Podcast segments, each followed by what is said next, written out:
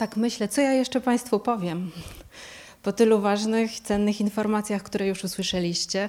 E, siłą rzeczy część wstępna to będzie pewnie podsumowanie, ale też tak myślę, takie podsumowanie, którego e, nigdy nie za wiele, dlatego że będę chciała Państwu powiedzieć o tym e, jeszcze raz, jakie są objawy depresji. Dlatego, że pierwsze, co możemy zrobić z człowiekiem, który rzeczywiście zaczyna mieć objawy depresji, zaczyna chorować na depresję, to jest zauważenie tego, co się z nim dzieje. Oczywiście e, większość z Państwa, i przepraszam, że tak sobie pozwolę powiedzieć, e, Państwo i e, specjaliści, Wy nie będziecie mogli dokonywać diagnozy depresji, ale macie bardzo ważną rolę zauważyć pierwsze jej objawy, po to, żeby później specjaliści i również wy i osoba chora mogły się zająć już tymi objawami w kierunku leczenia. To, co tutaj Państwo przed sobą mówicie, to tak naprawdę te objawy, o których mówili moi przedmówcy. Yy, nie wiem, czy znacie to dzieło, to obraz Van Gogha, namalowany tuż przed jego śmiercią. Kwietniu w listopadzie zastrzelił się w bardzo młodym wieku. E, badacze spierają się co do tego, na co rzeczywiście chorował. Niemniej jesteśmy prawie pewni, że na pewno były tam też objawy depresji. I zobaczcie, co widzimy na tym obrazie. Widzimy człowieka, który siedzi i ma schowaną głowę w rękach. Nie widzi świata zewnętrznego i ten świat zewnętrzny też nie widzi jego twarzy. Widzimy człowieka, który nie wiem, czy w ogóle zwróciliście uwagę. Tam się pali kominek za nim. W ogóle on nie daje ciepła, nie ma tego ciepła na tym człowieku, tak? Tak jakby nie potrafił odbierać tego e, z zewnątrz. To, jak stoi krzesło i w jaki sposób on opiera stopy na podłodze. Przepraszam, może się trochę czepiam, nie jestem krytykiem e, e, sztuki, ale wydaje mi się to bardzo trafnym obrazem właśnie depresji to krzesło nie jest oparte tak naprawdę o podłogę. Te nogi, tak naprawdę, buty nie dotykają podłoża. Ten człowiek nie ma kontaktu z tym, co jest na zewnątrz, a równocześnie jest narysowany taką bardzo ostrą linią, oddzielony od tego, co jest na zewnątrz. I myślę, że jestem przekonana o tym, że to często właśnie obrazuje nam, jak takie osoby wyglądają. Przechodząc do tego, co nazywamy depresją, czy z czym kojarzymy depresję, tutaj już moi przedmówcy też mówili o y, smutku jako pojedynczej emocji, o przygnębieniu, czyli jakimś dłuższym stanie, właśnie w którym dominuje skutek. Mówimy również o depresji, kiedy doświadczamy reakcji żałoby, w niektórych modelach psychologicznych, e, w, na przykład w DSM-4, w takim systemie diagnostycznym, który i psycholodzy i psychiatrzy, jak już Państwo słyszeliście, e, lubimy się na nich opierać, bo one nam trochę porządkują świat, mówiono o zaburzeniu osobowości depresyjnej. W niektórych paradygmatach psychologii mówi się też o po prostu osobowości depresyjnej. Tak jest na przykład w modelach psychodynamicznych. W modelach e, typowo medycznych mówimy o zaburzeniach nastroju. Państwo też już słyszeliście e, te określenia: e, dystymia, depresja sezonowa i wreszcie depresja. Także tak wiele wymiarów tego zjawiska, które kojarzymy właśnie ze smutkiem. Chciałabym, żebyśmy się skupili na depresji trochę w tym wymiarze klinicznym, dlatego że, no właśnie, tak sobie wyobrażam, że do tego, co tutaj widzimy po, po lewej stronie, do smutku, przygnębienia, reakcji żałoby, wypracowujemy na co dzień ze wsparciem otoczenia swoje własne sposoby adaptacji do sytuacji. Natomiast do tych pozostałych obszarów, w których te objawy depresyjne się pojawiają, często potrzeba już e, czegoś więcej. Oczywiście nie mówimy od razu o leczeniu, o farmakoterapii, bo to nie tylko o to chodzi. E, I wracając do charakterystyki depresji, pamiętajmy o tym, że, przepraszam, słabo widać, okazuje się, ale taki właśnie też jest człowiek w depresji, że on się gdzieś chowa. Tak naprawdę za tym smutkiem, w którym tkwi. E, I zazwyczaj w ten sposób też widzimy depresji, depresję, zazwyczaj depresję kojarzymy ze smutkiem, prawda? Że ten człowiek musi być smutny, albo z drugiej strony człowiek, który jest smutny, to jest ten, który e, cierpi na depresję. A tak naprawdę depresja to bardzo złożone zjawisko, w którym smutek jest tylko jakąś jego częścią, jakimś elementem. Smutek, te trzy właściwie, które tutaj akurat y, są na dole pokazane, za, stanowią największą część tak naprawdę objawów depresyjnych. To właśnie smutek, to trudność w doświadczaniu przyjemności i brak energii, ciągłe poczucie niemocy, zmęczenia, wyczerpania, braku sił. Więc zobaczcie, już tutaj mamy te trzy, dwa już zupełnie inne elementy poza smutkiem. A co poza tym? Jeszcze do tego dochodzi brak nadziei, niepokój i inne objawy lękowe, tendencja do izolowania się. I również to, co tutaj u moich przedmówców też e, się pojawiało w charakterystyce objawów depresyjnych, to poczucie winy i bezwartościowości. To też są specyficzne sposoby myślenia właśnie u osób, które doświadczają depresji.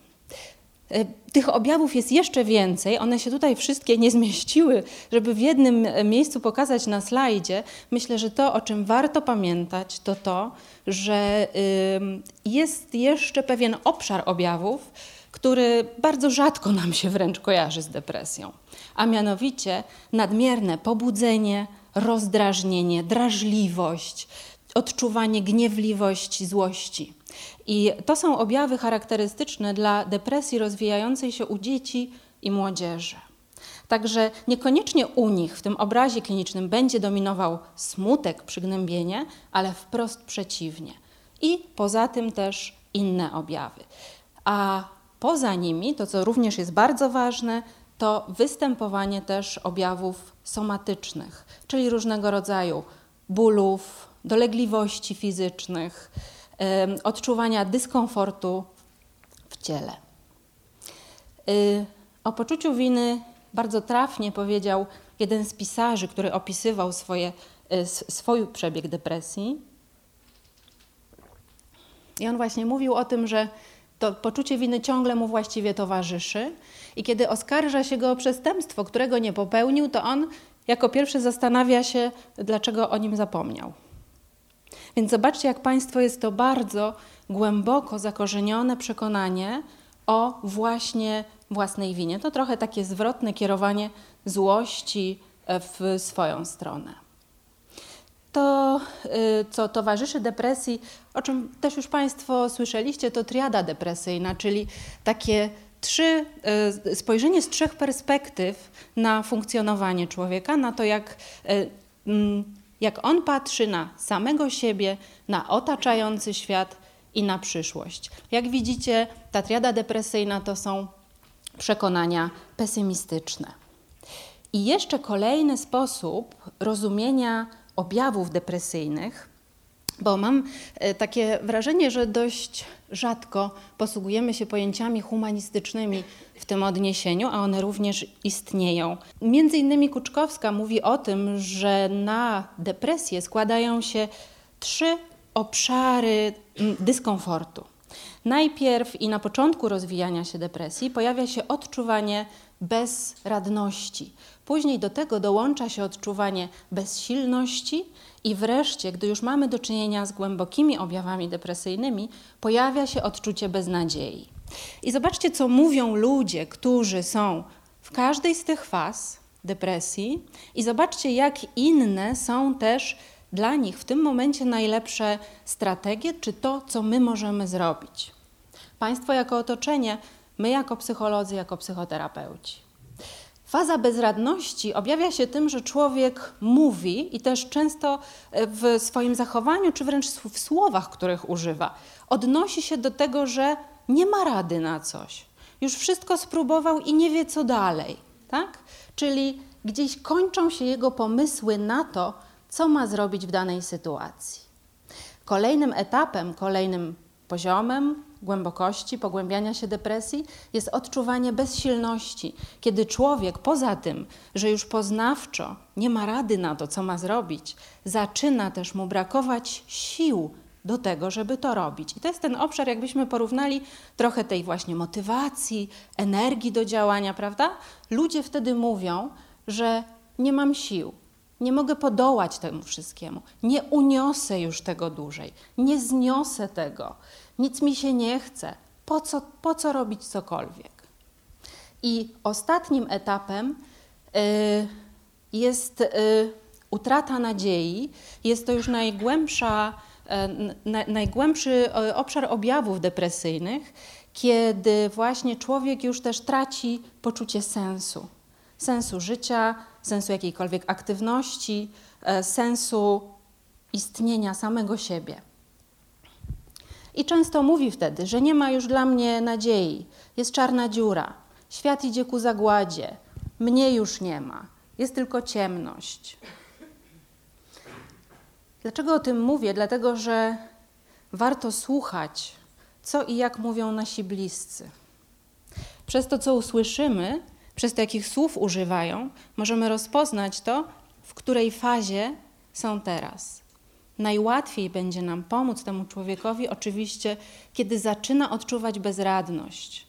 Im głębiej, tym tej pomocy będzie potrzebował e, więcej i tym bardziej specjalistycznej pomocy. A jaka to może być pomoc, to teraz w tej części chciałabym się z tym z Państwem podzielić. Skupię się na takich e, trzech obszarach. Co możemy zrobić dla osoby chorej? Co możemy zrobić dla efektywności leczenia?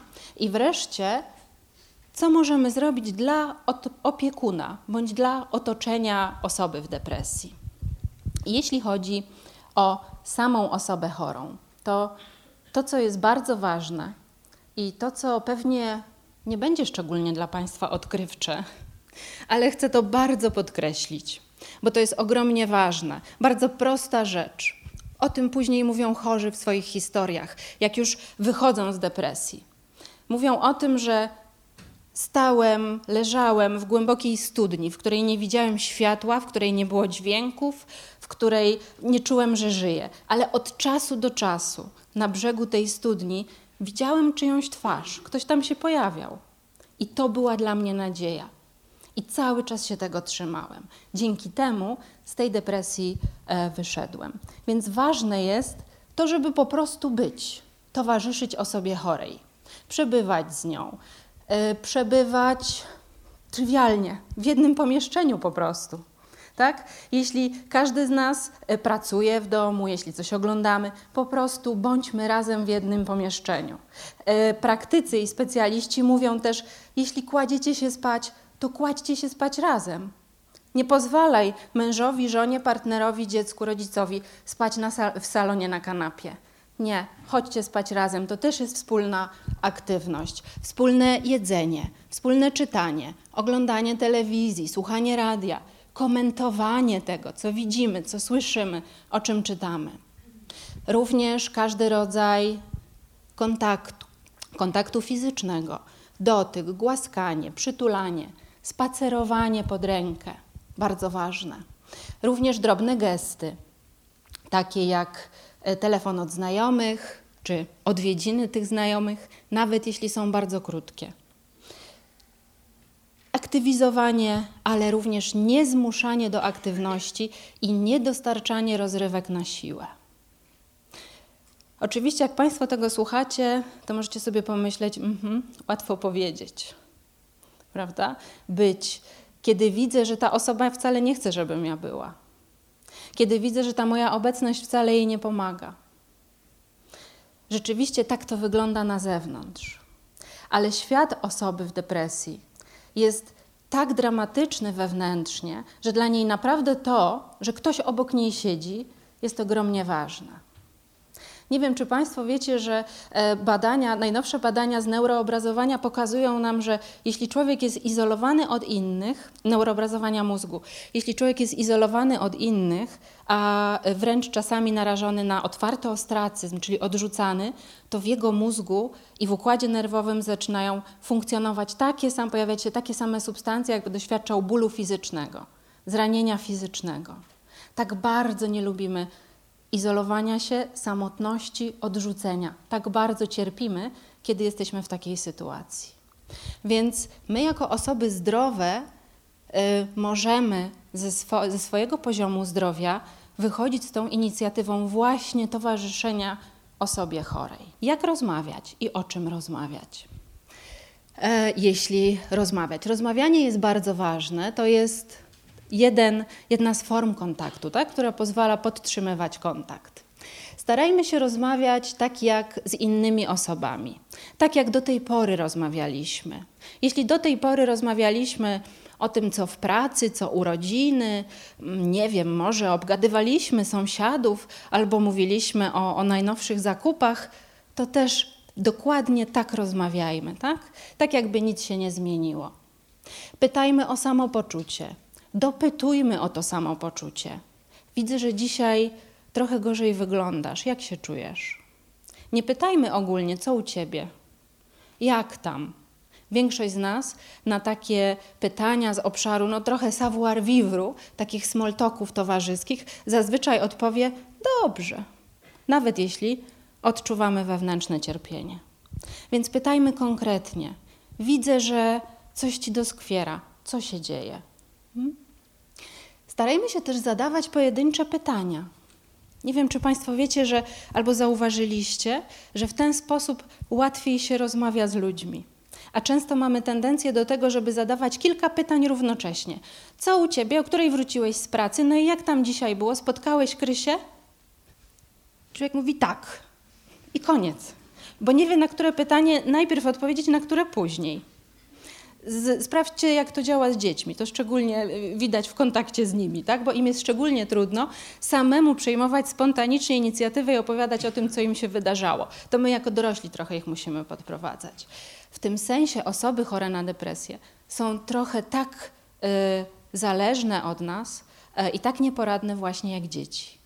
W tym sensie też warto wyciągać od nich te informacje, zadawać pojedyncze pytania, y, zadawać też pytania zamknięte, czyli takie, w których odpowiedź jest prosta i krótka, bo jak zapytamy osoby w depresji, no opowiedz mi coś o sobie,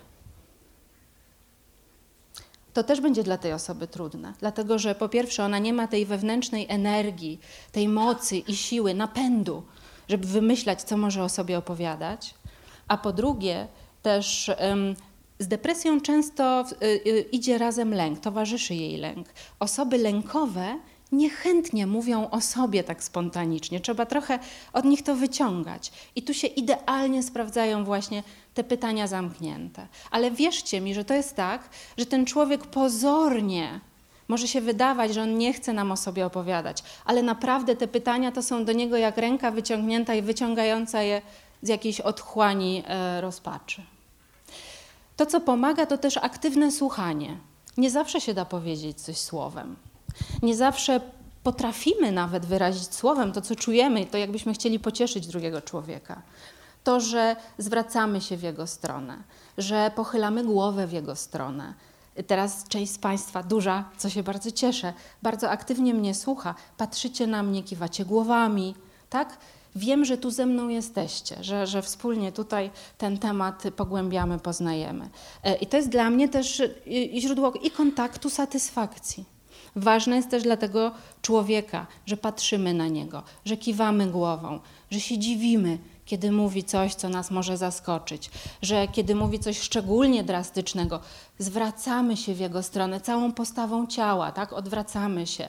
To są takie niuanse, drobne sygnały, które mówią: Jestem tu, słucham cię, akceptuję cię. E, co jeszcze, i to są już powiedziałabym niuanse treści, E, to e, staranie się ukonkretniania tego, co mówią osoby de, właśnie z objawami depresyjnymi. Bo tak jak też już Państwo słyszeliście, tendencją pesymistycznego myślenia, tendencją w depresji jest myślenie pesymistyczne. Myślenie pesymistyczne polega na konkretnych zasadach tego, jak te nasze myśli są w głowie poukładane. A mianowicie w sposób, oczywiście interpretowania tego, co, jest, co nie poszło, co jest niepowodzeniem, w sposób stały, czyli już zawsze będzie źle, w sposób wewnętrzny, czyli to przeze mnie wszystko jest źle, to ja jestem takim złym człowiekiem, i wreszcie w sposób uogólniony.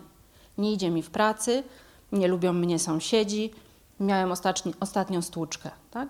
To jest taki zestaw, który po prostu pociąga nas w dół tego pesymistycznego myślenia. I zobaczcie, jak jest takie ukonkretnienie, y, uogólnienie, nic mi nie wychodzi, do niczego się nie nadaje, a to mówią często osoby depresyjne, to ukonkretnienie w rozmowie, a co konkretnie ci nie poszło w pracy, a który konkretnie sąsiad cię nie lubi.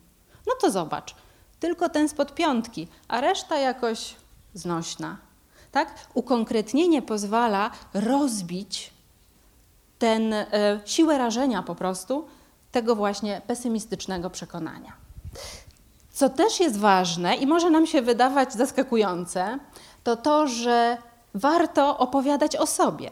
Nie jesteśmy w otoczeniu osób depresyjnych tylko po to, żeby słuchać, przyjmować, tak, rozumieć, akceptować, ale po prostu, żeby z nimi być, tak jak normalnie jesteśmy w relacji z innymi, kiedy też mówimy im o sobie, kiedy narzekamy, a mnie dzisiaj cały dzień głowa bolała, spóźniłam się na autobus, coś mi nie poszło, tak? Wtedy ten drugi człowiek też czuje, że jest z nami w naturalnej, spontanicznej interakcji. Nie należy też obawiać się w mówieniu o swoich problemach. Ważne, żeby nie było tych proporcji, tak? Za dużo. No i wreszcie, to co jest też ogromnie ważne, to jest trochę taka zasada BHP dla opiekunów osób depresyjnych. A myślę, że szczególnie dla tych, którzy mają takie psychologiczne zacięcie. Więc być może tutaj dla Państwa słuchaczy też. Nie starajmy się terapeutyzować, dlatego że e, często e, starając się pomóc drugiej osobie, wydaje nam się, że jeśli dojdzie, dojdziemy do przyczyny, to uzdrowimy cały skutek. W psychologii owszem, są takie nurty, które właśnie na tym bazują i, i rzeczywiście tak prowadzą leczenie, ale powiedziałabym, zdecydowana większość pyta, i co teraz? I co z tym dalej zrobisz? Jak możemy? Co możemy z tym dalej zrobić? E, więc pytanie, dlaczego cię to martwi? Dlaczego się tym przejmujesz? Tak naprawdę będzie nas zawracało do źródeł, do przyczyn, do praprzyczyn, z których też tak naprawdę, po pierwsze, osoba chora nawet może tego nie wiedzieć, dlaczego tak się dzieje, a po drugie, nawet jeśli ona powie, to my też, jako niepro, to też osoby, które nie są profesjonalnie przygotowane do takiej odpowiedzi, nie będą wiedziały, co z tym zrobić. Hmm? Więc dbajmy o takie BHP nasze własne i, e, i osoby chorej. A co mówić i czego nie mówić konkretnie? Tutaj Państwo pewnie to, co jest po prawej stronie, znacie i słyszycie i widzicie dookoła. Takie teksty. I to mówią chorzy wprost, później, jak już są wyleczeni, jak już mają siłę nam powiedzieć, czego, co chcą, czego nie, co jest im potrzebne. Czego nie mówić? Nie mówić, weź się w garść. Głowa do góry. Nie przejmuj się. Myśl pozytywnie. To w ogóle magiczne sformułowanie, które pokazuje też, jak bardzo ktoś może nie rozumieć istoty depresji. To tak jakby powiedzieć człowiekowi, który ma zapalenie krtani, pośpiewaj sobie, to rozruszasz głos. Tak? Jest to fizycznie niemożliwe. I to mówię z pełnym przekonaniem. W depresji wykonanie właśnie pozytywnego myślenia, czyli tak bardziej optymistycznego byśmy to nazwali profesjonalnie, jest fizycznie niemożliwe. Biochemia mózgu nie pozwala na to, żeby hop przestawić się z jednego sposobu myślenia na drugie. Porównywanie z innymi. Inni mają gorzej, a ty ciągle narzekasz. Hmm? No to po, proszę bardzo, pogłębiamy poczucie winy. Mogło być gorzej, tak? Ciesz się z tego, co masz. Nie użalaj się nad sobą. I nie, mi się wydaje, że chyba najgorszy, naj, najgorsza forma to wręcz szantaż, tak? Jak się nie pozbierasz, to odejdę, bo mam tego dosyć. No i inne, które też są ciężkie, na to nic nie poradzisz, tak już musi być, życie musi boleć. Albo z kolei Znowu trochę takie psychologizowanie. Doskonale rozumiem, co czujesz. Mm-mm. To od razu bądźmy pewni, że ten człowiek nam nie uwierzy. Bo nikt z nas, którzy nie jesteśmy w depresji, nie jesteśmy w stanie choć w części zrozumieć tego, czym depresja jest. Jak to niektórzy mówią, jest autor, yy, który pisze o tym, też Państwa zachęcam do tej literatury. Wielki czarny pies, który się ciągle za mną wlecze i mi utrudnia życie w każdym momencie. Także nie da się tego zrozumieć. A co zamiast tego mówić? Co pomoże? Co będzie dobrym tekstem? Możesz na mnie liczyć. Co mogę dla ciebie zrobić? Co byś chciał, co byś chciała, żebym dla ciebie zrobiła? Spróbuję ci pomóc przez to przejść. Zauważcie, spróbuję ci pomóc przez to przejść, prawda? Wyrażamy naszą dobrą wolę, naszą dobrą intencję, nasze dobre chęci. Będę przy tobie, jestem przy tobie. Niektóre rzeczy są trudne do zrozumienia i do wytrzymania. Wierzę, że ci trudno, ciężko. Nie wiem, co powiedzieć, ale po prostu posiedzę sobie razem z tobą. Napijemy się herbaty, popatrzymy razem za okno. Hmm? Może nam się to wydawać teraz, no ale to po co? Przecież trzeba działać, robić, aktywizować, tak, żeby był od razu skutek i efekt. No właśnie nie. Tu musimy uwierzyć w jedną podstawową rzecz, która jest tak naprawdę trochę na pograniczu magii i psychologii. W to, że kontakt leczy. My jako psychoterapeuci to doskonale wiemy. I o tym na przykład mówi Jalom, jeden z takich psychoterapeutów, którzy są moim ogromnym autorytetem. Zachęcam Was do zapoznania się też z jego pracami. E, mówi o tym, że kontakt jest tym, co pozwala nam żyć, rozwijać się. Dla osoby w depresji bardzo ważny czynnik. To, co mówią sami chorzy, i praktycy, którzy bezpośrednio z nimi pracują, to mówią, że najbardziej pomaga spokojna i życzliwa obecność bliskich i ich wewnętrzne przekonanie, że depresja minie. To jest też ważne. Zauważcie, to nie chodzi o przekonanie chorego, bo chorego w tym stanie nic nie jest w stanie przekonać, że to minie, że zaraz mu przejdzie, że, że, że za pół roku poczuje się lepiej. Pół roku. To też zwróćcie na to uwagę depresja trwa długo. Tak? Nie liczmy na to, że właśnie po miesiącu, po dwóch człowiek będzie wyleczony. To opiekunowie muszą mieć to przekonanie i wiarę, że depresja minie. Okej, okay, teraz jest trudno, przetrwamy to, przejdziemy to razem. Wierzę w to, że będziesz e, wyleczona, wyleczony. Na co, dla, dlaczego, dla jakich procesów, dla jakich obszarów to jest jeszcze ważne? To, co robią opiekunowie, to, co robi otoczenie, dla efektów leczenia. To wszystko, o czym my tutaj dziś Państwu mówimy, to pozwala nam też poszerzyć wiedzę na temat znajomości objawów. Im lepiej znamy objawy, tym szybciej potrafimy na nie zareagować. Jeśli zaczynamy słyszeć w tym, co mówi osoba depresyjna, jakieś zainteresowanie śmiercią, fascynację tematami egzystencjalnymi, zastanawianie się, hmm, na co ludzie kiedyś umierali, na co teraz umierają, to już nam się powinna zapalać lampka w głowie, bo okazuje się, że się pojawiają myśli dotyczące śmierci. A z myśli dotyczących śmierci kilka kroków do y, myślenia o własnej śmierci, do tendencji samobójczych, czyli do już planowania tego, w jaki sposób to zrobić, i wreszcie prób samobójczych. Także wiedza na ten temat pozwala nam wcześniej zareagować na pierwsze sygnały zagrożenia. Wiedza również pozwala nam kontrolować przyjmowanie leków. W odniesieniu do leków również y, po, pozwala nam rozumieć to, jak one działają. Bo ci z Państwa, którzy już z takimi osobami mieli do czynienia, wiecie, że te leki nie działają od razu. Tak jak bierzemy coś na ból głowy, tak? to w przypadku leków antydepresyjnych musimy poczekać.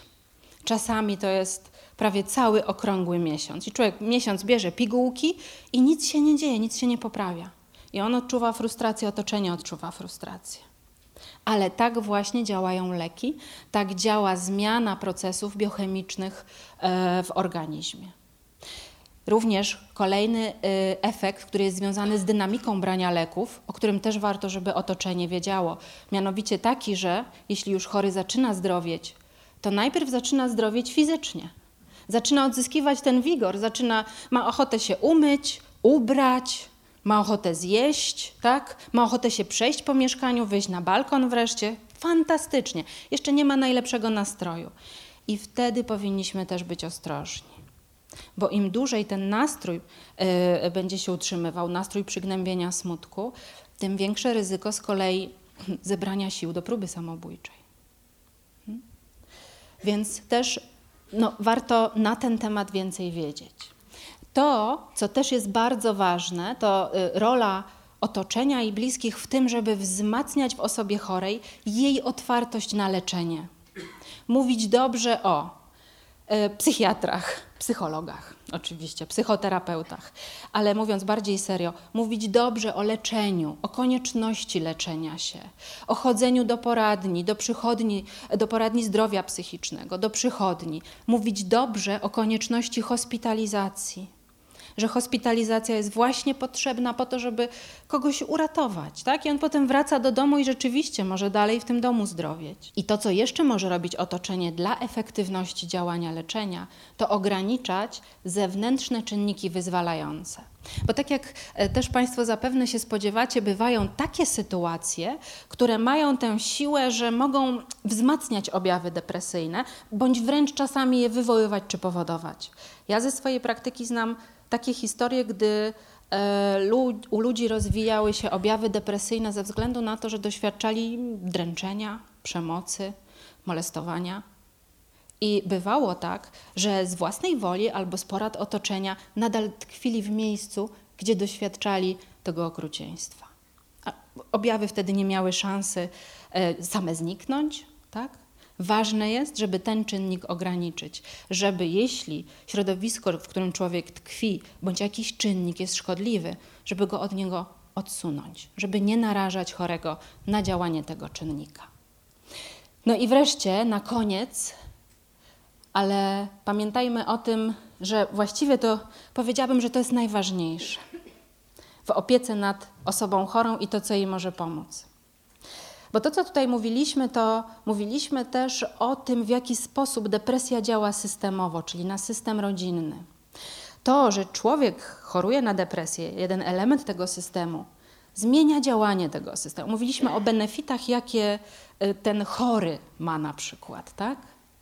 Mm, a pamiętajmy też o tym, że to działa również w drugą stronę i działa lecząco.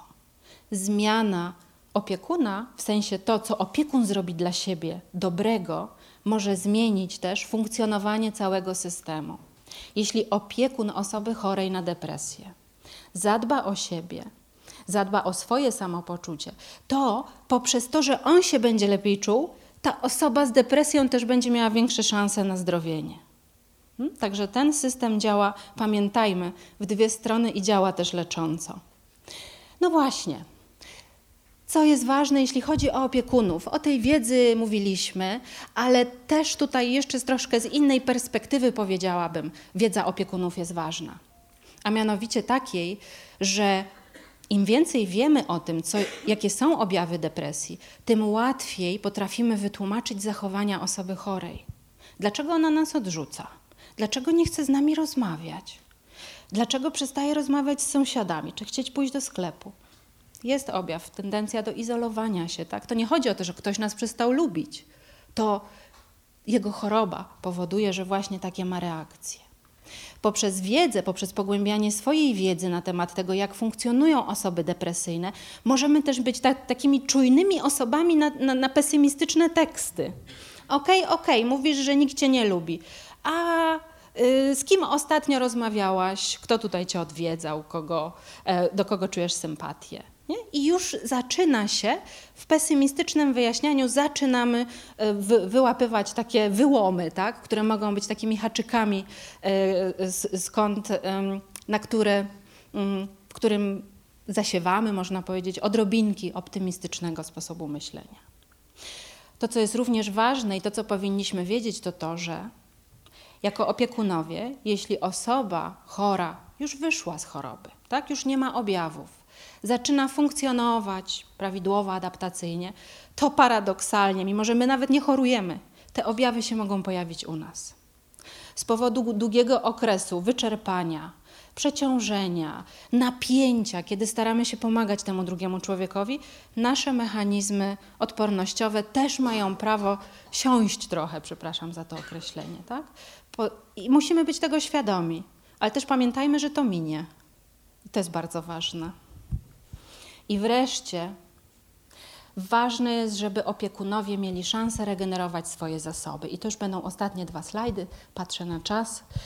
Um, po pierwsze, pamiętajmy, że opiekunowie sami potrzebują wsparcia ze strony rodziny, ze strony przyjaciół, ze strony otoczenia, może grupy wsparcia specjalnej. Są takie specjalne grupy wsparcia dla rodzin osób chorujących na depresję, gdzie taki człowiek, opiekun, może poczuć, że nie jest sam.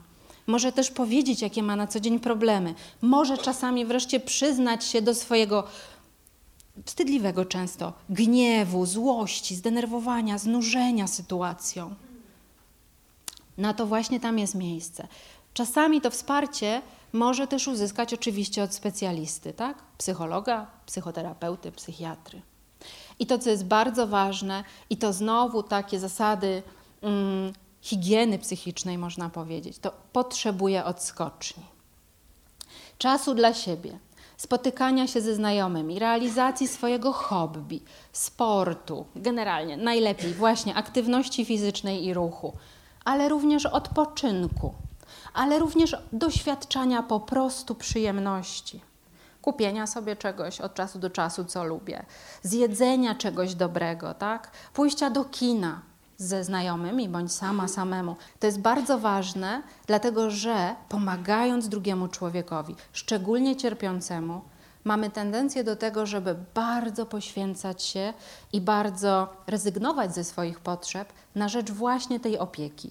To jest bardzo szlachetne, ale hmm, krótkotrwałe i właśnie tutaj przychodzą nam z pomocą przypomnienie stewardesy. Znacie Państwo zasady w samolocie bezpieczeństwa? Ratowania siebie i dziecka obok? Najpierw sobie maska tlenowa, a dopiero później dziecku. I tylko to gwarantuje to, że obie te osoby wyjdą z sytuacji bezpieczne. I dokładnie tak jest, takie mam przekonanie pełne, że dokładnie tak jest z opiekunami osób chorych na depresję. Zadbajmy o siebie, dzięki temu będziemy potrafili lepiej dbać o osobę chorą. A gdzie szukać wskazówek konkretnych? Mamy takie poradniki, które tutaj dla Państwa wybrałam, które polecam. Autorów zagranicznych, ten jest bar bardzo dobry, ten właśnie dla przyjaciół i rodziny typowo dedykowany. I również y, autorów polskich. Jeśli Państwo macie życzenie bardziej naukowo poznać to zjawisko, to również książka Hamen profesora Święcickiego, czy na temat, też najnowsza na temat depresji nastolatków. Dziękuję bardzo.